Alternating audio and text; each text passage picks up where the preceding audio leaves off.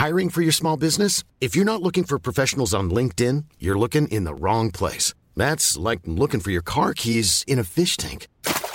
LinkedIn helps you hire professionals you can't find anywhere else, even those who aren't actively searching for a new job but might be open to the perfect role. In a given month, over 70% of LinkedIn users don't even visit other leading job sites. So start looking in the right place. With LinkedIn, you can hire professionals like a professional. Post your free job on linkedin.com slash people today.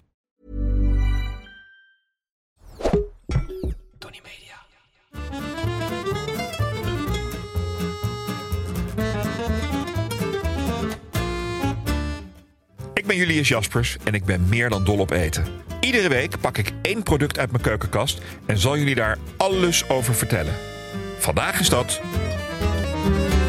sojasaus. Sojasaus dus. Niet te verwarren met ketchup of met Gerrit Hiemstra. Het is een ongelofelijke smaakmaker in de Aziatische keuken, maar ook in mijn keuken. De sojasaus dan. Sojasaus heeft bij mij voor een groot deel het zout vervangen. Het is in vele gevallen veel lekkerder. Sojasaus heeft bijna iets mythisch. Ik zou geen vervanger kunnen aanwijzen.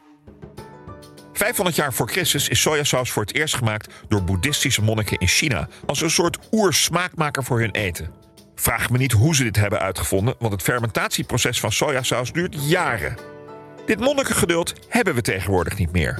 Vooral niet gezien de grote vraag naar sojasaus. Iemand kwam ineens op het geniale idee om sojaconcentraat op te lossen in zoutzuur. Dat is nog eens wat anders dan een potje sambal. Het resultaat? Een imitatie sojasaus die in plaats van jaren slechts uren kost om te maken. Dit is niet alleen lekker goedkoop, maar ook heerlijk gevaarlijk. In de chemische reactie kunnen kankerverwekkende stoffen vrijkomen. Het is de zaak om altijd erop te letten of er natuurlijke fermentatie op het etiket staat. Omdat ik op Instagram veel vragen krijg over producten uit de keukenkast, behandel ik iedere week een hamvraag. Deze week is dat een vraag van Aniek Luiten. Ah, Julius. Mijn vriend Peter verdrinkt zijn sushi altijd in de sojasaus. Ik geneer me rot voor hem. Zou je mijn vriend willen uitleggen hoe je sushi moet eten? Want naar mij luistert hij niet. Ja, Aniek, dat doe ik heel erg graag, want het is inderdaad een veelgeziene fout. Om te beginnen gaat het erom dat je met de vis heel even de sojasaus aantipt en niet je hele stuk rijst erin verdrinkt. Dan kan je net zo goed alleen de rijst eten of direct de sojasaus aan de mond zetten.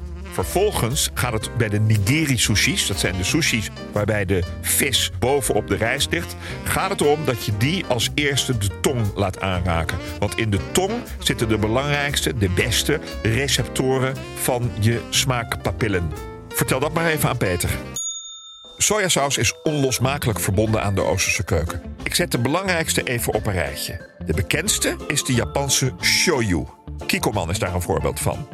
Donkere zoute sojasaus met een volle smaak. Tamari is de volgende. Bij sojasaus worden de suikers uit tarwe gebruikt voor de fermentatie. Bij tamari over het algemeen niet. Tamari is daardoor wat dikker, wat donkerder en heeft vaak nog meer smaak.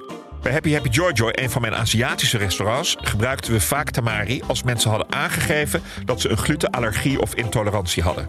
En dan heb je shiro, een zogenaamd witte sojasaus. En dat komt omdat er meer tarwe in is verwerkt. Hoe lichter de sojasaus, hoe zouter gek genoeg. Chinese sojasaus. De donkere is wat minder zout en heeft vaak een klein zoetje. Hier wordt vooral mee gekookt en is verkrijgbaar in de gewone soort en in de light variant. Uiteraard is er ook nog Indonesische sojasaus, de ketchup. Maar wat is dan precies het verschil tussen sojasaus en ketchup? Dat vind ik nou echt een kwestie voor mijn stagiair Julia. Ze luistert trouwens alleen naar Google, want ze is een Google Nest Hub. Oké Google, wat is het verschil tussen sojasaus en ketchup? Sojasaus wordt ketchup doordat er palmsuiker en of melasse aan wordt toegevoegd, vandaar de zoete smaak en de stroperige structuur. Ketchup is absoluut niet vergelijkbaar met gewone sojasaus en het is dus niet één op één te vervangen. Oké Julia, dankjewel. Ik koop mijn sojasaus het liefste in de toko. En zoals bij veel conserven hang ik de stelregel aan dat hoe minder Nederlands er op het etiket staat, hoe beter de kwaliteit is. Ik maak hierbij één uitzondering. Nederland heeft namelijk ook een eigen sojasaus. Het merk is Thomasou en het wordt gemaakt in Rotterdam. De sojabonen en de tarwe worden gekweekt in de Hoekse Waard. En daarna krijgt het spul met keltisch zout en bronwater minimaal twee jaar de tijd om te rijpen in oude whiskyvaten. Ter vergelijking, Kikkoman wordt maar zes maanden gerijpt. Thomasou is niet de goedkoopste sojasaus, maar wat mij betreft wel een van de lekkerste. Dan tot slot nog het geheim van de chef. Het geheim van een goede sojasaus is de umami-waarde. Umami is de vijfde smaak die we kunnen ervaren. In het Japans betekent het heerlijkheid of hartig. En het zorgt ervoor dat de zout- en zoetsmaken in je mond worden versterkt. Klik op de link in de beschrijving van deze aflevering voor een lekker umami-rijk recept met sojasaus. Dat was hem over sojasaus. Zeker niet alles, maar best wel wat. Heb jij nou ook een hamvraag over iets in je keukenkast? Stuur dan een bericht op Instagram naar Julius. De volgende keer heb ik het over zuurkool. Dag.